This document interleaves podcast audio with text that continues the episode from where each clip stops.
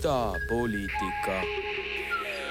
ja mul on väga hea meel äh, tervitada nüüd oma vestluskaaslasena Piret Karrot, kes on äh, Vabamu kuraatornäituste juht. ta on äh, semiootik, kultuurikriitik ja ühtlasi viimase Vikerkaare artikli autor, mis dokumenteerib siis sada viiskümmend aastat Eesti feminismi. suur töö on ära tehtud kindlasti soovitan selle Vikerkaare inimestele üles otsida äh, poodidest, lettidelt ja seda, seda ka ise lugeda, kindlasti mingil hetkel saabub see ka, saabub see ka Vikerkaare veebi. aga mina olen täiesti ähm, meeldivalt pahviks löödud, et selline suur töö on tehtud, ma tean, Piret, sul kulus äh, circa pool aastat pluss veel varasem eeltöö, et see et see tekst kirja saada ja minu jaoks, kes ma olen seda feminismi kulgu eriti kaasaegsest aspektist Eestis, aga ka Euroopas jälginud võib-olla viimase paari aasta jooksul aktiivsemalt, siis minu jaoks loksutas see väga paljud sellised ähm, lülid ja lüngad paika. nii et suur aitäh sulle selle tehtud töö eest, see on äh, märkimisväärne saavutus. mind huvitab, äh, mis sind ajendas lisaks sellele, et seda tehtud ei olnud varem, aga mis sind ajendas seda tööd ette võtma? Äh, tere kõigile minu poolt ja aitäh, Mariann, et saatesse, kus. Äh, no siis ütlesid, et lisaks sellele, et seda olnud varem tehtud, oligi tegelikult üks suur äh, põhjuseid, miks seda asja üldse teha. et kui ma, et selle artikli nagu üks selline ambitsioonikas ja uljas eesmärk ongi lihtsalt see, et ma nagu ratsutan läbi mingisugused sada viiskümmend aastat ja vaatan, et kuidas naisliikumine tegelikult Eestis toimunud kogu aeg, et ta ei oleks ju eile sündinud nagu tihtipeale kuidagi see tunne justkui tekitatakse.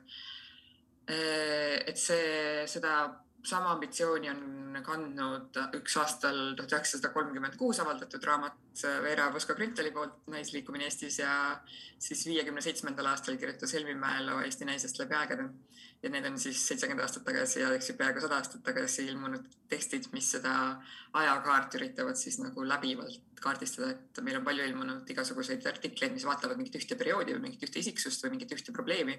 aga just see ambitsioon, et nagu kõik need, alates, eks ju, Eesti, eestlase kui sellest, sellest subjekti tekkimisest või rahvuslikust ärkamisest, kui me üldse hakkasime iseendast rääkima kui eestlastest et Eesti naine kogu selle läbivalt nagu sellest ajast saadik rääkinud endast kui pädevast poliitilisest subjektist, kes teab, tahab oma õigusi mm -hmm. meestega võrdselt, et ähm, see, see, see asjaolu, et seda ei ole meil kaasajal nüüdisajal, mis jõuaks nagu tänasesse päeva korralikult välja selle ajaga tehtud.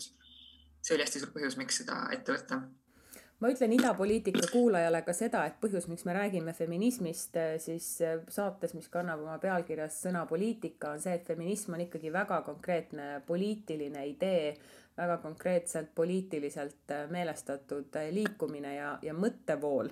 et, et, et sellest ma tahaks kindlasti ka Piret, sinu käest kuulda, võib-olla, võib-olla võtamegi päris algusest, et, et kui me räägime sellisest omariikluse taotluse tekkimisest äh, ärkamise ajal üheksateistkümnenda sajandi keskpaigas, võib-olla natukene ka esimeses pooles. Äh, kui palju oli see seotud sellise üleüldise autonoomia sooviga Vene tsaaririigist ja kui palju seal seda sellist naise, naise kui subjekti või eraldiseisva agendi või, või, või tema enda nagu agentsuse sõnumit oli, et äh, kui, kui palju olid nad põimunud ja kui palju oli seal sellist varajast äh, naisõiguslust ikkagi sees? see on selles mõttes huvitav küsimus, et ma arvan, et see rahvusliikumine ja rahvuslik ärkamise aeg ja siis nagu sellega samal ajal toimunud naiste äh, samm-sammuline emantsipeerumine ja emantsipeerumissoov käisid hästi käsikäes need äh, või noh, Eesti praegu on eks ju Eesti ajalugu kirjutatud läbi hästi meestekesksena ja see rahvusliikumine on meil nagu ajalooõpikutes sihuke keskne asi, mis toimus üheksateistkümnenda sajandi äh, keskpaigast peale. Äh, aga samal ajal need mehed nagu Karl Robert Jakobson näiteks, kes oli, eks ju, oluline rahvusliikumise tegelane suhtlesid ka Lillis Vurgiga ja nagu naistega ja see, et me praegu ei mäleta peale Liidia Koidula eriti neid naisi, kes tegelikult olid selle rahvusliku ärkamisaja ja liikumise olulised äh, kaasliitlased. see on selline noh, mingisugune strateegiline unustamine on toimunud, et ühesõnaga, et naised olid ka rahvusliku ärkamise ja liikumise agendid ja osa, osa sellest. aga samal ajal see naiste sooline emantsipeerumine, ma arvan, sai hästi palju tuge sellest, et toimus rahvuslik äh, ärkamisaeg ja Jakobsoniks juhatas Lilli Suburgi ja utsitas teda seda naiste värki ajama aga samal ajal see, et äh, eestlased või noh, nagu see maarahvas hakkas, see on, see on ju tollel ajal ju praegu me võib-olla räägime rahvuslusest kui natuke mingist sellisest konservatiivsemast liikumisest, siis tollel ajal Tsaari-Venemaal oli rahvuslik liikumine väga radikaalne ja oli iseenesest emantsipeeriv ja inimesi võimestav. See, et maarahvas hakkas iseendast mõtlema ja rääkima kui eestlastest, andis äh, kindlasti palju tuge juurde nendele naistele, kes hakkasid endast rääkima kui Eesti naisest, hakkasid võib-olla mõtlema siis Lilli Suburgi äh, toel endast kui Eesti naisest, kes, kes on tegelikult meestega võrdne ja kellel võiksid olla, kes võiks nagu ka saada kaasa rääkida mingis ühiskondlikus äh, elus mm. -hmm. et ma arvan, et see oli sihuke inspireeriv ähm, äh, suhe, aga samal ajal äh, ilmselt ka tol ajal puksiti ikkagi naisi nagu mingisugustest rahvusliikumise asjadest välja. Äh, ja teiseks äh, naiste emantsipeerumisliikumine oli kõvasti rahvusvahelisem ja mingisugune rahvusvaheline ideede ringlus isegi oli seal rohkem fookuses kui selles kohalikus, noh, ühesõnaga rahvusliikumine ise oli ka tõenäoliselt rahvusvaheline, aga seal oli see rahvuskese oli hästi oluline, aga naiste puhul ei olnud mitte isegi see rahvuskese nagu kõige olulisem, aga ta oli üks element, mis, mis oli siis nagu Saksa naisliikumise, Soome naisliikumise kõrval sihuke oluline faktor. No see on hästi, see on, see on hästi loogiline, kui sa ütled, et äh, see rahvuslik äh, ärkamisliikumine või rahvusliikumine toetas väga palju naiste emantsipeerumist ja naiste mõtlemist iseendast kui iseseisvast, mehest eraldiseisvast ähm, siis ühiskonnaliikmest, sest et mõlema puhul on ju tegemist identiteedi küsimusega Äh, mm. rahvuslik identiteet ja no ja, ja naise identiteet, et selles mõttes, kui ma alguses mõtlesin, et oi, et kuidas need küll omavahel nagu kokku kõlavad, et need on kuidagi nii sellised, et võib-olla üks lämmatab teist, et siis tegelikult on see, tegelikult on see väga loogiline. Äh, me jõuamegi selle juurde, et, et see, et see rahvusvaheline suhtlemine oli, oli palju tihedam kui meie sellised võib-olla formaalsed ajalooõpikud meile ütlevad ja, ja samamoodi, samamoodi mind huvitab see, et kui tegemist oli eelkõige nii Lilli Suburgi puhul ähm, kui ka võib-olla siis rohkem tuntud näiteks UK-s äh, Emmeline Pankhurst ja tema naiste poliitiline sotsiaalne liikumine. kõik see ja, ja, ja need Eesti naisliidud, kellest sa oma artiklis kirjutad, et tegemist on enamjaolt ja, ja nii ka tänapäeval, kui seda võib-olla äh, võitluse eesmist rinnet ja organisatsioone ja nende tuumikuid vaadata, tegemist on haritud jõukate naistega, kellel on võimalus ja vabadus äh, lugeda ennast, harida, ringi reisida, organiseeruda, koonduda, tegutseda, pluss sinna juurde meeste toetus. et kui Karl-Robert Jakobson toetas Lilli Suburgit ja, ja, ja ka Hugo Treffner äh, erinevate siis prindiväljaannete äh, ähm, nii-öelda publitseerimise aitamisega kuni, kuni ka organiseerumise aitamiseni, siis kas, kas võib öelda, et ilma sellise meeste toeta tegelikult iroonilisel kombel feminism nii, niivõrd võib-olla viljakas ja, ja, ja, ja nii laialdast kõlapinda ei olekski saavutanud? Äh, vot see on selles mõttes tõesti väga põnev küsimus, et ühest küljest olid tõesti mingid võtmeisikud nagu Treffner või Jakobson, kes toetasid konkreetsetel viisidel Suburgi. samal ajal Suburg ise ju suples nagu uskumatus äh, naistevastases, naisi taga kuhugi äh, vaiba alla privaatsfääri suruvas ühiskonnas. et äh, see, et nagu lõpuks Treffner andis oma allkirja sellele Linda asutamise palvele Äh, oli, toimus mingi seitse-kaheksa aastat pärast seda, kui Suburg oli oma allkirjaga üritanud seal kuskilt tsaari võimult selle loa kätte saada, et oma ajalehte kasutada. et tegelikult oli noh, see, see üldine foon oli ikkagi see nagu ka meil tänapäeval, eks ju, et äh, me ikkagi elame üsna misoküünses keskkonnas ja tolleaegsed naised elasid võib-olla selles mõttes ise, isegi misoküünsemas keskkonnas, et neil ei, meil on vähemalt mingid formaalsed õigused, et meie saame umbes pangakontot avada, me saame valimas käia, me saame ülikoolis oma neid äh, magistrikraade kätte saada. aga tollel ajal nad ei saanud, neil ei olnud neid formaalseid õiguseid ja sellepärast oli hästi oluline see, et ühel hetkel üks konkreetne mees astub mingisuguse ühe konkreetse sammu selleks, et nagu naised saaksid edasi liikuda oma mingites tegevustes. et kuna jah, et kuna naistele nagu neid õigused ei olnud tollel hetkel veel tagatud, siis oli tõesti, kui ei oleks ühel hetkel nagu seda Treffneri allkirja nagu õigel hetkel õiges kohas olnud, siis ta võib-olla ei oleks kunagi suur nagu äh, teha ta saanud seda, mida ta tegi, tegi ja teda aidati ka selle tütarlaste kooli asutamisel. mingid nagu progressiivsemad mehed said aru, et see on tegelikult tähtis, et ka naistele haridust anda. et jah, selles mõttes sest kuna ma ütleks niimoodi, et, et meeste tugi oli sellepärast oluline, et meestel oli lihtsalt väga palju formaalset võimu, palju rohkem kui naistel tollel ajal mm. -hmm. hüppame, hüppame edasi nõukogude aega, mis ei ole sugugi mitte vähem paradokse täis sotsialistlik, sotsialistlik naine, eks ole, sotsialistliku projekti eesotsas, samal ajal Äh, hakates vastu sellele teisele vahetusele, mida pärast pikka tööpäeva vabrikus või tehases tuli hakata kodus tegema. kuidasmoodi need kaks ähm, ideed äh, sobituvad, sest me teame, et sotsialistlikku, me teame, mina tean seda tänu sinu artiklile et, äh, et aastatel kakskümmend kuni kolmkümmend oli Sotsialistliku partei juures siis Jean Atiel naiste osakond, mis tegeles siis ka ikkagi ähm, naiste sellise finantsilise ja, ja, ja, ja sotsiaalse eraldiseisvuse, iseseisvuse taotlustega, mis ühel hetkel pandi kinni, sellepärast et sotsialism oli, kommunism oli lahendanud kõik probleemid, sealhulgas ka naisküsimuse, mis oli väga-väga äärmiselt häiriv, aga samas noh, pikk noh, nii palju tagasivaates ka väga-väga naljakas lugemine, et noh, muidugi sotsialism oli kõik probleemid ära lahendanud.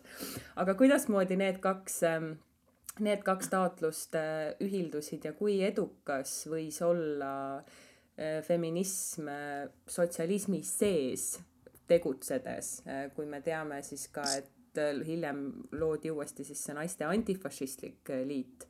et kui, millise järjepidevuse ja millise eduga siis Nõukogude naine feminismi asja ajada sai? vot ähm, keeruline Eestis on sellest ka sellepärast raske rääkida, esiteks me ei ole seda nii palju uuritud ja teiseks me, meil on paljudel inimestel hästi suur allergia selle vastu, et üldse nagu mingi, mingi, mingisuguse seda nagu nõukogude aega nagu uuesti käsitlema hakata või mingit teist perspektiivi seal otsida kui seda, mis on see üldine narratiiv.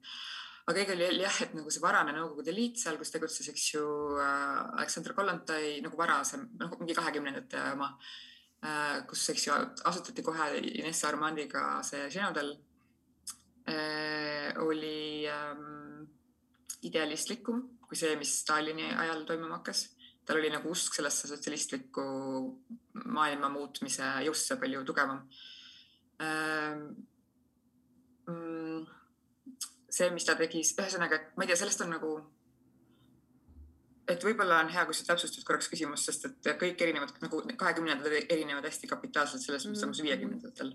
ja kui me räägime näiteks viiekümnendatest, siis eks ju inimesi samal ajal kui eestlasi Siberisse küüditati äh,, olid seal Nõukogude Liidu ministeeriumites tööl naised, kes lobistasid abordiõiguse üleliidulist legaliseerimist mm. -hmm. ja see oli hästi oluline ja vajalik ja samal ajal, eks ju äh, tõsteti mingit kirjaoskust erinevates nagu Kaug-Venemaa mingites paikades, vene keele kirjaoskus muidugi ähm, võib-olla ma täpsust-, võib-olla ma täpsustaksin seda küsimust siis niimoodi, et keskendume, keskendume sellele nii-öelda Nõukogude sellele keskmisele perioodile, et kui me teame, et see algusaja Äh, enne Eesti okupeerimist, enne idabloki tekkimist oli selline idealistlikum sotsialismi vaimus feminism, võib-olla rohkem ka Marxi algses vaimus, siis mm, -hmm. siis kuidasmoodi sellisel sügaval repressioonide ajal, Stalini ajal ja, ja, ja siis ütleme pärast seda see äh, kommunistlik feminism ja, ja kindlasti ma arvan, et feminismiks ei nimetanud seda küll kindlasti ükski naine, et kuidas, millise kuju see oli võtnud siis ütleme sügaval nõukogude ajal Eestis konkreetselt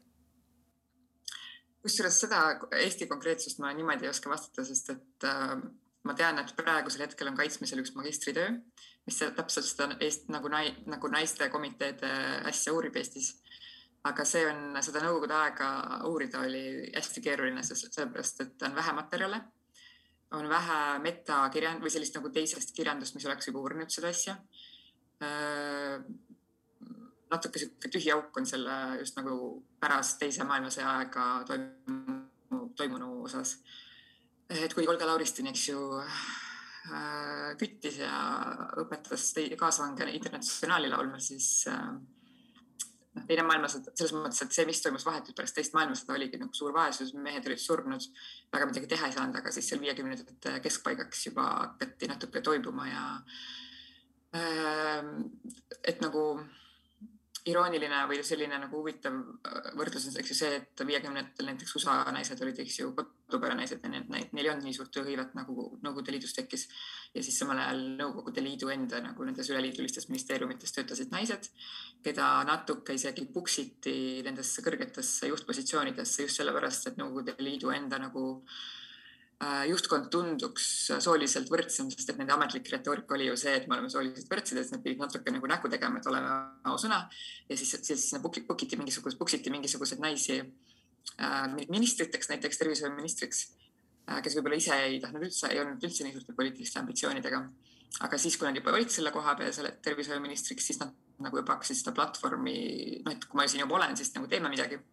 ja selles nagu täielikus äh, propakeele tööriistadega, mis ainus, ainus, ainsad asjad, mis sul on, on propakeele tööriistad, et äh, nendega nagu hakati siis näiteks seda abordiseadust äh, lobistama ja lõpuks ka saadet, said, saati viiekümne viiendal aastal see seadus toodud üle liidu äh,. et jah, ühesõnaga need naised äh,, mingid naised töötasid siis nagu see riigina äh, nendes äh, üleliidulistes äh, organites ähm, ametlikult ei saanud enam tegelikult teha seda, et meil on siin mingi naisselts või meil on, meil on siin mingisugune naiste eestkoste organisatsioon konkreetselt sellepärast, et see oleks vastuolus olnud selle naisküsimuse lahendatud äh, propaga.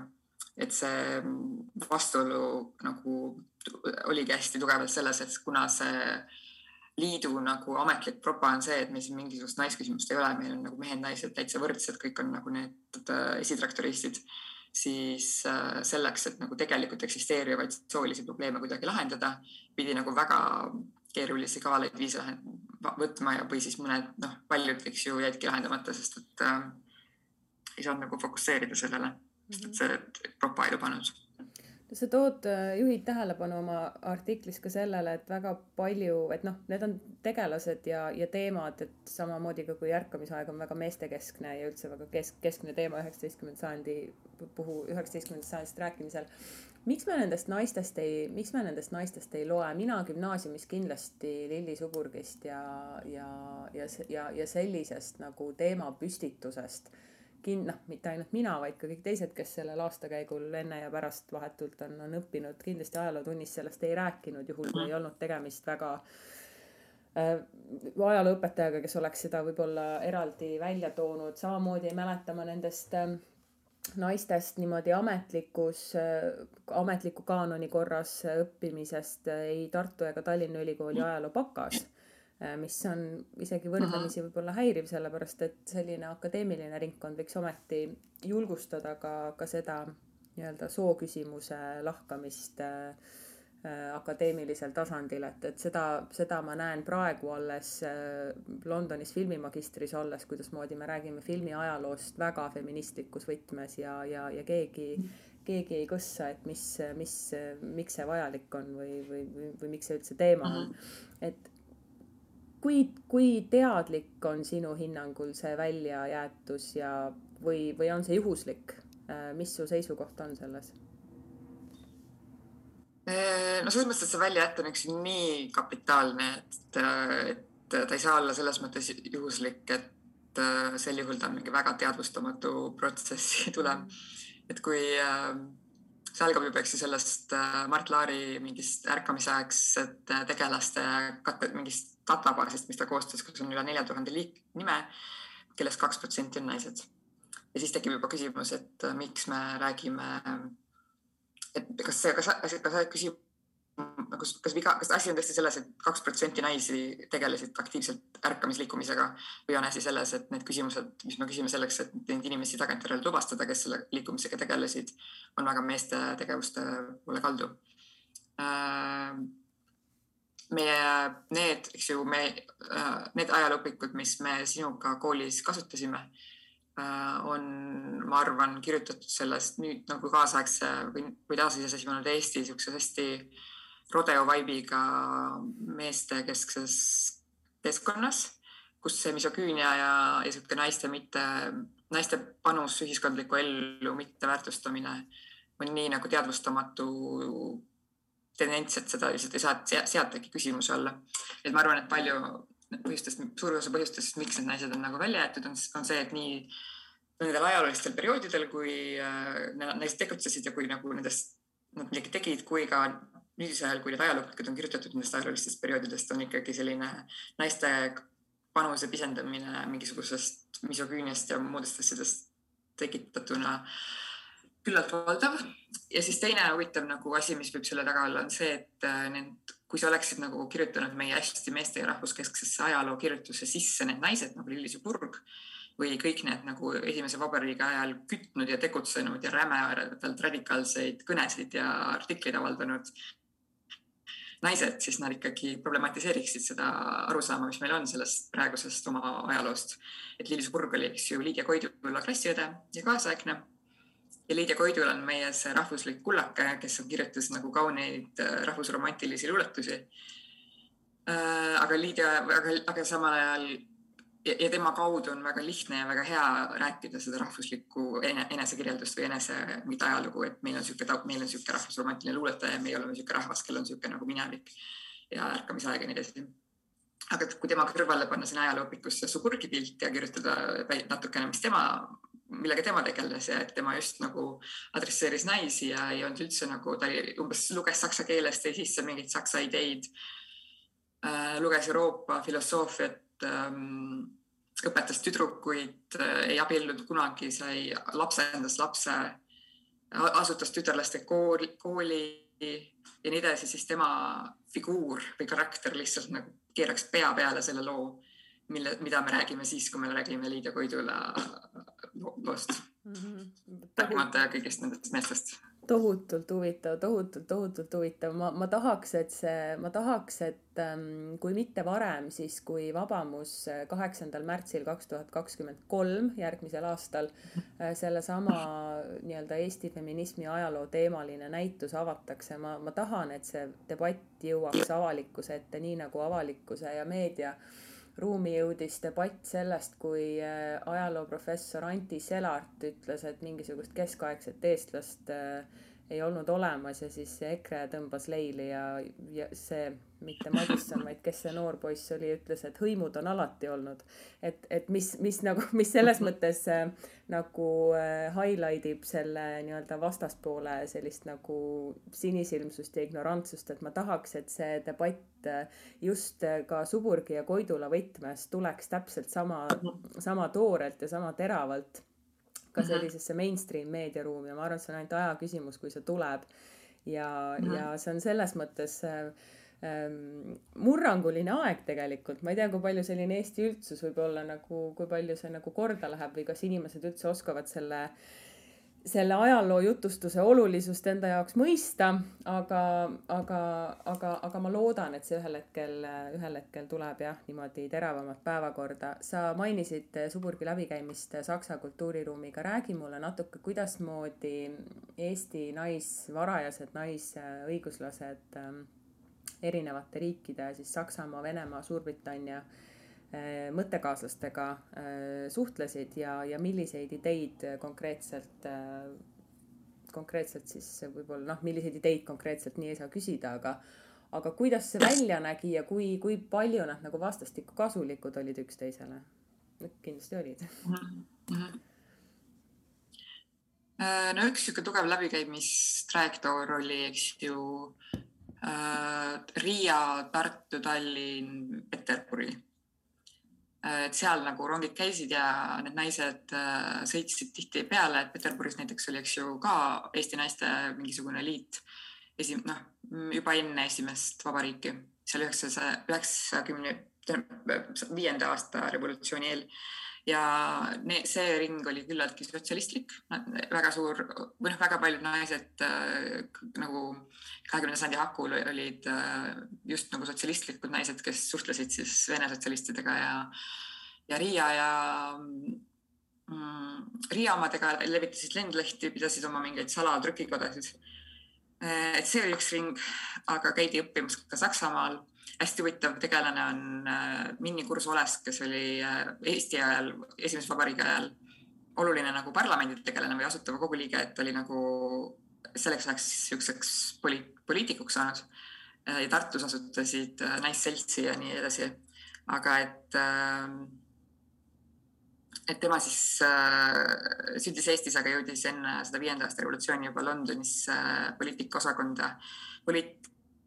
poliitikaosakonda, poliitikateaduskonda loenguid kuulama ja sõbrunes muuhulgas Emmeline Pankhurstiga äh,. ja siis käis ära veel Amsterdamis Sotsialistliku Internatsionaali teisel kongressil äh,, hängis natuke Pariisis ja siis laekus Tartusse ja hakkas nagu äh, koos Louis Oleskiga mingit radikaalset värki ajama et jah, sihuke ideede ringlus oli noh, selle siin, siinpoolse, eks ju, Tsaari-Venemaa vahel Peterburist Riiani. Käidi ka Soomes ja saadi nagu Soome õdedelt äh, tuge, näiteks karstusliikumine inspireerus hästi tugevasti Soomest, aga ka muud asjad. ja siis oli see Lääne-Euroopa ring, et mõned käisid siis Saksamaal õppimas ja, ja ka Londonis ja Pariisis äh, ja nad, noh, oluline see oli siis see keeleoskus, eks ju, et need, kes kellel olid mingisugused keeled suus, said seda teha ja said siis Eestisse tulla tagasi oma nagu radikaalsete mõtetega, et äh, nad olid kuskil mujal näinud, et mingisugune naisliikumine on hästi aktiivne ja siis olid, tulid ka siia ja hakkasid nagu oma asja ajama mm. -hmm. ja julgesid siis ka minna nagu sellesse poliitikasse, et need olid nagu vähe, väga vähesed naised tegid seda tollel ajal. kui palju me sellist praktilist poolt teame või kui palju on dokumenteeritud seda, et kuidas see suhtlus nagu väga konkreetselt või rohujuure tasandil välja nägi, olid need, kohtuti raamatupoodides või, või loengusaalides või ülikoolides või kohvikutes, et kui me mõtleme Minni Olesk, sa ütled, et äh, käis, suhtles, on ju, kasvõi siin kohalike sufražettidega. ma tahaks mingisugust sellist nagu visuaalset mingit ettekujutust saada, kuidas see reaalselt võis välja näha, sest et see on äärmiselt huvitav ähm no vot sellel ajal näiteks äh, sellel noh, Suburgil juba oli mingisugune, äh, et tema isa talus vist tekkis sihuke intellektuaalide kogunemine, kus inimesed käisid seal suures rehetaras ilmselt koos istumas ja tarka juttu rääkimas. Äh, see oli siis nagu üheksateistkümnenda sajandi lõpus aga siis äh, kui juba oli Eesti, siis enne Eesti aega seal viienda aasta revolutsiooni eel käis sihuke suur revolutsiooniline tegevus, kus käidi mingites keldrites, koguneti ja äh, just eile lugesin Alma Ostroinase mälestusi viienda aasta revolutsioonist, kus ta kirjeldab seda, kuidas ta oli mingis oma korteris, siis kuulis, et politsei hakkab nagu läbi otsima tulema, pistis jooksu, hakkas tee peal Äh, lahti nöörima oma saapad, et kui see kordnik tuleb, saab talle saapaga virutada, aga siis õnneks ta oli täpselt nagu mingi õige nurga taha keeranud niimoodi, et kordnik tollel hetkel teda veel kätte ei saanud ja siis jõudis raudteeni. hüppas siis raudtee peal, see rongijuht küsis, et kuule, sa põgened kellegi eest või? siis ta ütles, et jaa. siis äh, rongijuht võttis ta sinna söehunniku otsa sõitma. ja siis ta sõitis selle rongiga nagu ohutusse kaugusesse, hüppas kuskil maha, ta ütles, et ma ei mäleta, mis kuuris ma öö veetsin. aga ta otsis siis üles mingisuguse börsimaakleri äh, korteri, mis oli siis nii-öelda sõbralik sotsialistide vastu ja seal kogunesid ka kõik teised, kes olid tollel öösel selle puistamise eest põgen-, jooksu pistnud. ehk siis selle kord nagu politseinike reidi eest, kus mingi diivani peal, põrandal, iga, iga pinna peal mingi, mingi inimene nagu oli külili visanud, et saaks öö mööda võtta, nii et politsei kinni ei võtaks. aga võeti, ka neid kinni ja, ja pidigi jääma Lätti minemata, et saaks oma mingeid lendlehti trükkida. sihuke möll käis seal äh, Revo paigus ja siis, kui oli Eesti aeg, siis või noh, see vabariigi aeg, siis nad juba äh, üürisid maja, majasid näiteks siis, kui igasse väiksesse bändalevikku tekkis oma naisselts, naisselts, siis nad korraldasid pidusid ja mingisuguseid basaare ja asju, et saaks nagu raha kokku ajada selleks, et endale maja või korter osta või üürida. et neil oleks mingi pesa, kus koos käia ja siis käidigi nendes majades, korterites neid naisseltside mingeid asju ajamas ja tehti pidusid ja äh, ja oldi ka hästi ametlikud, et neid äh, grupifotosid on tegelikult päris palju nendest äh, naisorganisatsioonide liidu mingitest juhatustest, kes oma mingites väärikates äh, saalides koosolekuid peavad. Ja samal ajal äh, irooniliselt nagu mehed äh, laua taga, siis nagu meestel olid tähtsad jutud ajada, siis nad nagu küsisid, mis need naised siin teevad, et taheti nagu neid justkui välja puksida. Aga nad ikkagi surusid ennast sisse sinna koosolekusaali, kus mingit äh, põhiseaduse arutelu parasjagu peeti. et selles mõttes, kui meil praegu on niisugused esad ja mingid korterid ja seltsid, kus me nagu koos käime aeg-ajalt oma intellektuaalsete mingite sõpradega mingit juttu ajamas, et see pesa või selline salongi kujund on läbivalt olnud. Õnneks ei pea enam äh, liikuva rongi peale hüppama, et politsei eest ära joosta, võib-olla keegi peab. mina õnneks, ei, ma olen seda, okei okay,, võib-olla ma olen kohe seda teinud. aga ühesõnaga see salongi kujund, mida ma olen mõelnud ka kuidagi või mm, et võib-olla tuleb ka näitusele siis äh, sihuke kooskäimise koht on jah, hästi tähtis. korter, salong, maja, kelder, trükikoda äh, nagu üheksateistkümnenda sajandi lõpus päriselt käidi veel metsades salajastel sotsialistlikel kogunemistel kuskil linnases mingis metsas oli sihuke kohtumine, kohtumispaik, kus räägiti äh,, utsitati inimesi ja ässitati üles mingile revolutsioonile väga,. väga-väga põnev. Piret, selle ülejäänud osa sellest intervjuust me paneme eetrisse Ida Raadio järgmises saates. meie sinuga räägime praegu edasi, aga teadmiseks kuulajale, me liigume siit edasi järgmise intervjuu juurde, kus me hakkame rääkima kultuuri rahastusest, aga järgmises idapoliitika saates me jõuame Piret Karroga selle vestluse tänapäeva ja räägime ka Vabamu, Vabamus siis järgmisel aastal tulevast näitusest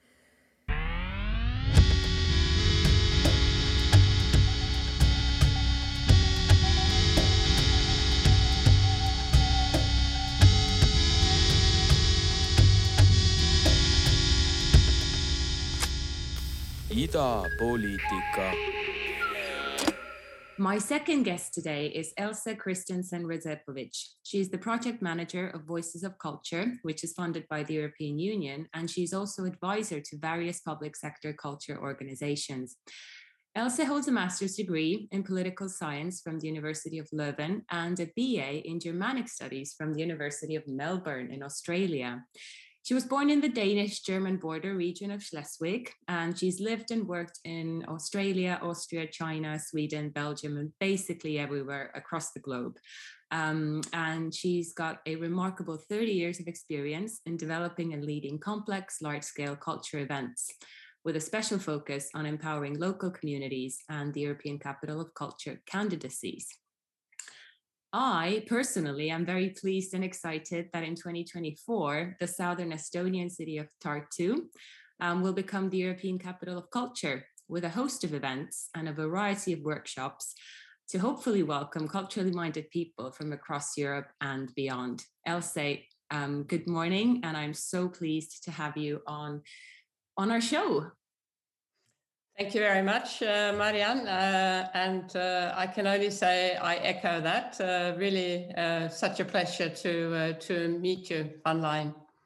Yes, um, let's dive straight into into into the topic. I mean, your resume is wonderfully impressive, but what springs to mind, however, is is how do you maintain ties with with grassroots artists and up and coming talent while working for such a humongous institution? Um, like the European Parliament, which is, I guess, most known for being slow and bureaucratic and not necessarily a cutting edge visionary um, when it comes to innovation. So, so how do you maintain the ties on both sides? Well, first of all, I have my feet deeply grounded here in the soil in the border region between Denmark and Germany. I don't work as such for uh, the EU. I'm uh, self employed and I do different projects uh, for different uh, EU institutions. Um, but I think uh, it's also important to underline that um, the EU might uh, sound like this uh, gigantic uh, organ that has its own life, but we have to to keep reminding ourselves that the EU is actually um, you know, um, a union of 27 member states. And uh, basically nothing in the EU happens uh, unless uh, it has the full consent of the 27 member states.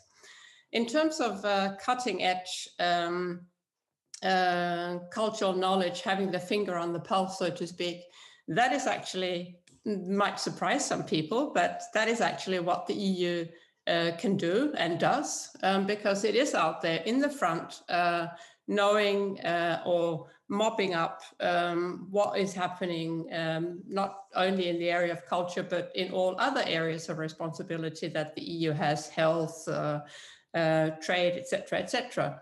Uh, and and you know as we know um, also uh, influences uh, policy in in all these different areas and also in the area of culture although um, important to underline and i think we, we may also discuss this later on today that uh, specifically culture the area of culture is the competence of the member states. So the eu can actually not decide on any policies in that area. Um, but uh, just uh, again to, to, to specifically answer your question, um, because I work um, with and also sometimes for the EU with their projects, probably is why I um, know so much uh, about what goes on uh, cutting edge in uh, the arts and culture sector. Sounds sounds perfect and it sounds ideal, Elsa, because I think and hopefully there are many more people like you who are the um, the sort of perfect intermediaries uh, between these grassroots artists and and and such um, uh, funding bureaucracy. And, and I think it's also it's very good that you pointed out that you know nothing happens without the full consent of each member state because sometimes I do feel like we have this misconception that everything is dictated um, downwards from Brussels, and it's sometimes the narrative that is perpetuated uh, by by certain um, party politics or, or, or certain organizations that wish to uh, to undermine the um, you know the the reputation and the and the trustworthiness of the EU.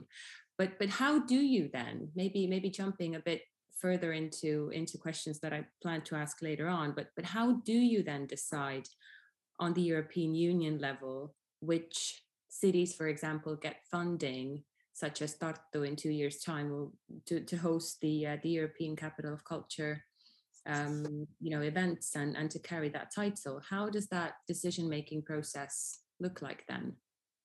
And who do you need consent from? Who need who needs to sign the document saying that we will be giving this amount of money for this city in this particular country to uh, represent you know the variations and the richness of, of European culture in this given in this given year.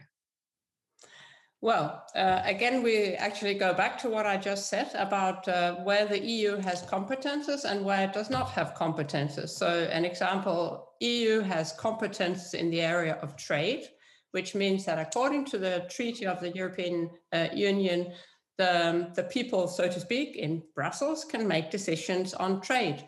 But when it comes to culture, they cannot. So, the European Capital of Culture initiative is actually a brand. It's a European brand that comes with conditions to the member states. They can then apply to get this brand that they can call themselves a European Capital of Culture for one year. But it, it does not come with money. So, all the money that a city uh, needs to implement a European Capital of Culture comes from that city and its uh, region and uh, usually also a supplement from the from the state so in your case Tartu, uh, its region and um, the, the, the government of estonia is uh, chipping in to finance uh, the cost of um, of european capital of culture uh, in tartu I see. So you can apply for this brand, which kind of makes it I guess it's a very desirable brand, obviously, because it comes with a lot of um, attention and media attraction and a lot of tourism, hopefully. Um, but still, I believe, and I'm sure that there is criteria behind selecting which one of those applicants then gets to have this brand. And uh, when we're focusing specifically on Tartu, then how much have you been to Tartu? How much do you know about the program yet? They have um, they have launched their website by now, where we can have an initial look of, of what, what it is that they're planning to do. But I guess every Estonian listener or Finnish listeners on the other side of, of Vida Radio um, are probably keen to know what it is that they can expect to see in Tartu in, in two years' time. Well, I'm not an expert on the Tartu program, um, and uh, I was not uh, on the selection panel uh, for the selection of, uh, of which actually happened several years ago. I only joined the European Capital of Culture selection panel uh, in January 2021. So do bear, bear with me that I am not an expert on what happens in Tartu in 2024 the program is in the making, so it's not actually a finished program yet. Uh, and as a selection uh, um, member, selection committee member for, for selections of the European Capitals of Culture, we also act as a monitoring uh, committee, which means that we, um, uh, with certain intervals, will be monitoring the, the preparations that Tartu is uh, doing now uh, for the for the year 2024. Um, so we will then also look at at the uh, proposed program uh, to see if it is in correspondence with the second bid book that was uh, um, laying the grounds for the selection between Narva and Tartu. Uh, and the selection is based on on um, to make it uh, a little more simplistic on six criteria. And before I mention the criteria, I should also mention that the European Capital of Culture Initiative was um, brought about uh, by the EU um, in 1985 to try to have culture be at the heart of uh, European cultural identity. So it's actually a kind of an integration, a European integration uh, initiative. And so the EU is saying to all countries, uh, member states, you can uh, apply for this brand. It comes with the conditions. These conditions are your city must have um, a well developed cultural strategy. Um, it must um, have um, a well developed um, uh, uh, cultural program of high quality that uh, um, brings to the fore the richness of the, the culture locally, but also very importantly, the European cultural diversity. Then it, uh, um, it, it, must have a very strong European dimension because we have to remember it's not a, a capital of Estonia, it's a capital of, of Europe. So the idea is to, to bring to the fore the richness of the European cultural diversity, to actually bring Europe to Tartu in 2024, but also for Europe to, to learn about all the fantastic cultural heritage and the contemporary arts and culture that happens in Tartu in, in uh, the years leading up to 2024 and also in, in the year of 2024. Then another criteria is, is what we call outreach.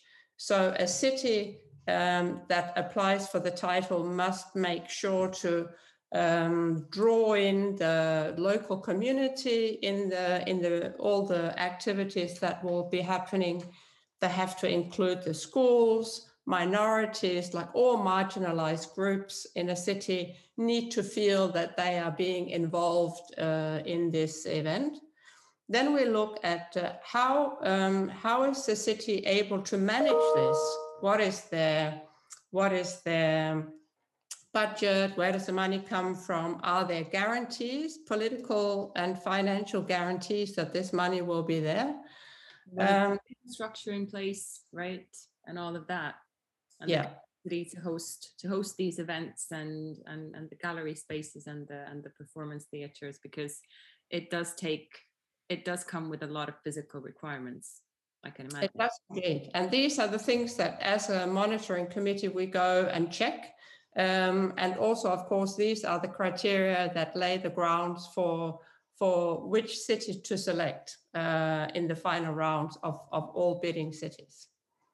So, does the EU then provide any kind of help um, or publicity or information management once the uh, assessment period is over, once the monitoring is over, or is it up to the city then to to do their own publicity to to attract tourism just based on having basically acquired this brand or this this token. Yes, actually, it is uh, the full responsibility of the designated city, the title holder city. So the EU uh, does not do any marketing, any um, any kind of um, uh, outreach, um, and um, and also does not provide, as I said, any money. There mm-hmm. however, what's called a Melina Mercouri price. Uh, it's a price uh, to the amount of 1.5 million euros that uh, as a selection panel, we will um, decide um, a few months before uh, 2024 if Tartu should be awarded this title uh, and, and uh, sorry, this uh, prize uh, that comes with 1.5 million euros. And, um, and the conditions for receiving it is basically that this um, the bid or the, the, the, year of European Capital of Culture, the program, um, adheres to the, um, the bid book that was uh, laying the, uh, the ground for, for the selection. So, so the last bid book that, um, that a, a city is writing on which they will be either selected or not selected uh, becomes a de facto contract with the European Commission. And this is what we go and check. Um, so um, this will this we will know in uh, probably uh, October, November, December uh, 2023. Right. So that is the procedures and mechanisms behind this um, this title covered. Um, I would like to broaden the topic maybe a bit and, and, and shift away from the European capital of culture for a moment and talk about the, the state and the nature and the direction and the health of our culture generally, um, if if if I may put it this way. Um, when I view what's going on on, on the Estonian cultural and arts landscape um, from a distance at this moment, uh, something that I find very striking is that you know the overall cultural canon, and not only in Estonia, that is the the case in, in many other countries as well, but institutionally, in Estonia at least, culture is seen as a vehicle mostly for preserving our national heritage. And, and I feel like it's a dogma that is being perpetuated by the Ministry of Culture, obviously in good faith. Um, but I do see this as a very narrow strand of culture, however, and also perpetuated by, by public institutions. And the danger I see with this is that when arts and culture are presented with the obligation to maintain a sort of lovely image, um, a safe and lovely image of Estonia and Estonians and our cultural heritage, then it runs the risk of becoming a national archive almost. And and in my eyes, the uh, the purpose of culture or, or contemporary art is to challenge the sort of prevailing comfortable mindset and and certain political narratives, if if not all political narratives and so especially if we, we if we view what's being going on in hungary for example that's a very extreme example obviously but what do you what what how do you view this? How how big of a threat this view is if if a country starts seeing culture as preservation rather than than challenging the mindsets and mentalities? Because i feel like this is a conversations that that conversation that's happening all across europe right now well, um, I think that most, uh, or not, I think I know that most countries in their cultural canons have a, a, a mix of cultural heritage uh, and of uh, contemporary arts and culture, uh, which I think is, is of course a good mix. Uh, we we need the cultural heritage. We need it uh, for our um, sense of identity and belonging. Um, but we also need, of course, to understand, to know, and to understand uh, what is around in terms of contemporary arts and culture. Um, of course, I cannot uh, I cannot start uh, um, uh, being a judge on the political situation of Estonia uh, when it comes to to the cultural policy, uh, and actually I don't know it in details. Um, but um, but I would say that that that the ideal would be to have this mixture, and of course we do run a danger, and we see this this shift um, to, to, to more inward looking um, attitudes uh, of, uh, of some people in some uh, countries in Europe.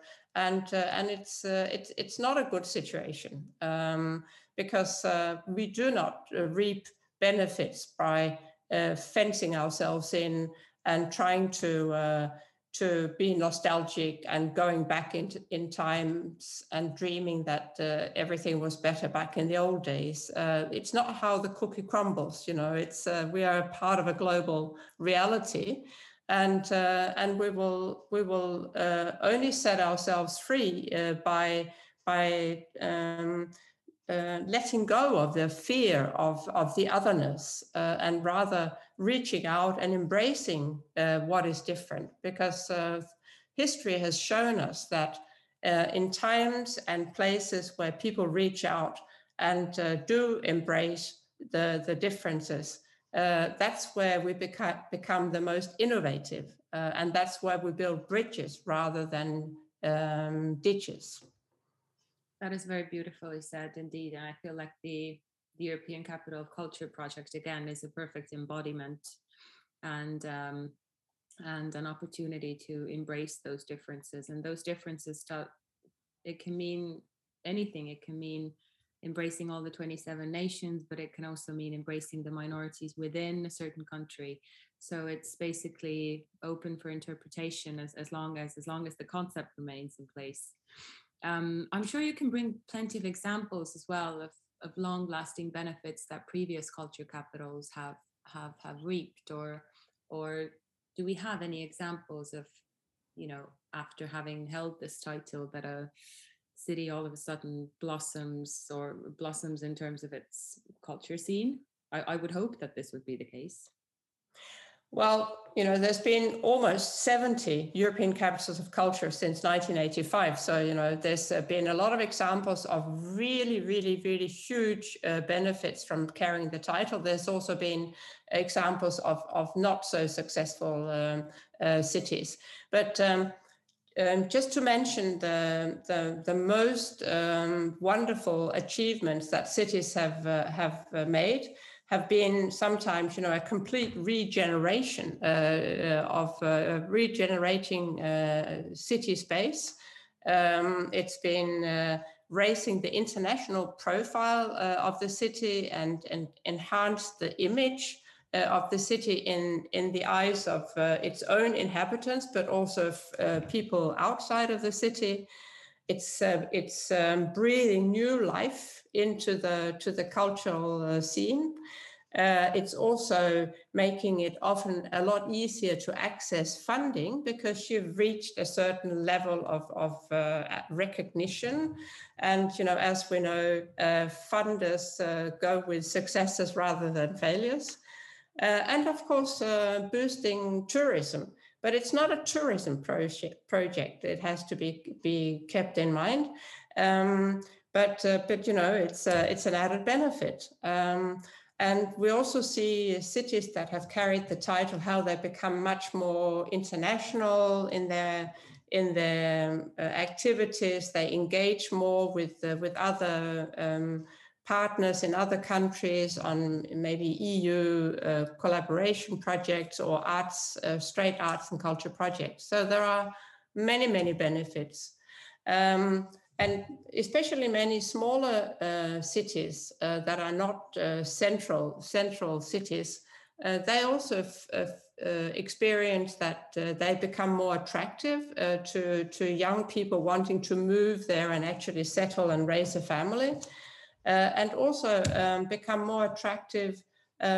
for for companies to be able to attract qualified um, workers uh, highly skilled workers because you know highly skilled workers they they want to have a rich cultural life uh, where they live um, and and even uh, businesses uh, find it uh, attractive to maybe go and invest in in in a city that uh, has has carried that title absolutely and and as an estonian it's very um, encouraging for me to hear that this has been the case for many countries that have held this title before because I feel like Tartu is such an it's such a gem within Estonia. And usually when tourists go there or when people visit Estonia, they you know, they spend a few, a few days in Tallinn, which is obviously a lovely city, but there's so much more to discover in the southern parts of Estonia. And Tartu, obviously being the center of the cultural life in southern Estonia, is most certainly worth a visit in 2024.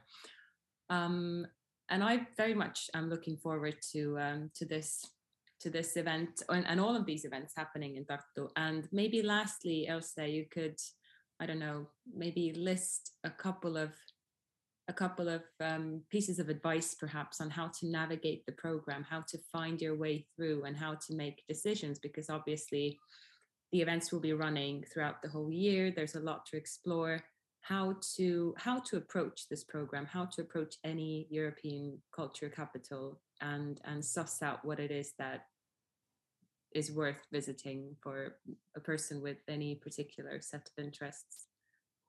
And and you're actually in a way answering the the question yourself because it is uh, it is as complex as that. It depends very much on uh, on who you are and where you come from. So if you come from Tartu, uh, you will be looking for different things than uh, perhaps if you come from uh, from Lisbon uh, or from from Tokyo or from elsewhere. Um, so it's it's a matter to to, it's a matter of, uh, of looking at the program and the program will be out online um, not this year not uh, not uh, early next year but late next year. Um, you'll already be able to access the program. And uh, and then it will depend on are you interested in opera ballet classical music? Are you interested in street art? Uh, are you interested in experimental uh, arts productions? Um, and and there'll be all sorts of other activities going on educational activities uh, there'll be uh, activities uh, around uh, culture and health uh, culture tourism. Um, so um, it'll be a, a plethora of uh, of different things to go and do. And i would recommend to first of all ask yourself well what time of the year would I be going? Um, what else would I be doing at the same time? Maybe some people go just for a European capital of culture, and others combine it with uh, with other things. So um, uh, I'm super excited uh, to be going to Tartu for the first time uh, next week for the for the culture forum um, there on the on the 28th of um, of April. Uh, and uh, I've uh, I've read a lot about Tartu and um, about the history, and looking forward to seeing the old city, but also to to be meeting the the cultural scene, and hopefully, if I have time, to sample some some cultural events while I'm there. Um, but otherwise, I think that um, um, it it it is an, excite, an exciting part of, of Europe. It's actually the most eastern European capital of culture, Eastern European capital of culture we've ever had. Wow. Um, yeah. And uh, and and not many have been further north. Of course, Tallinn and uh, and Tartu, uh, sorry, Turku in in Finland, Helsinki, Umeå in Sweden but not many. Um, uh, so both uh, very, very north and the first uh, of the most eastern uh, cities. Um, and, and I think that to, to many people, uh, also outside of Estonia, it's absolutely amazing that that tiny little country of, uh, of just over a million inhabitants in, in, you know, quarter of a century has leapfrogged from uh, from being um, you know um, um, really a rather poor, underdeveloped country to being you know right up there, uh, cutting edge, uh, and actually leading the world uh, when it comes to digital, digitization. Um, so uh, for, for if for no other reasons, um, just even visiting Estonia, I think uh, is an amazing uh, thing for for anyone to do. Um, and um, to to uh, to see the city of Tartu and experience uh, the, the, the extremely rich cultural life that I have read about uh, that that you already have in in Tartu, uh, and let alone the this sizzling experience it'll be to to be there in in 2024 when there'll be just arts and culture everywhere there'll be people from from all over estonia from all over the balkan region and from from europe and beyond it's going to be absolutely amazing I sure hope it will. Thank you, Else uh, Christensen Rezepovic, so much for this interview. Um, I hope you have a wonderful time in Tartu next week, but also once the uh, once the actual events start taking place.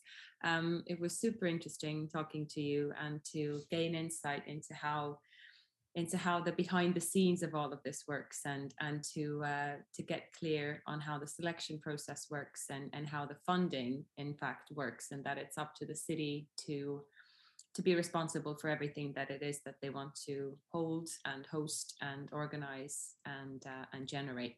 So thank you once more for this interview, and I hope you have a lovely afternoon in in Denmark. Greetings from uh, from Lisbon. It's it's we're, we're crossing crossing borders and building bridges already, which is very characteristic to what we've been talking about as well.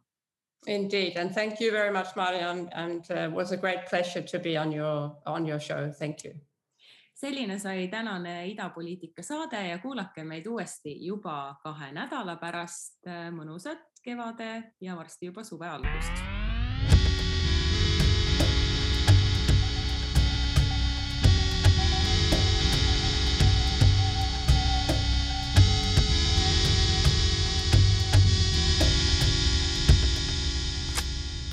Idapoliitika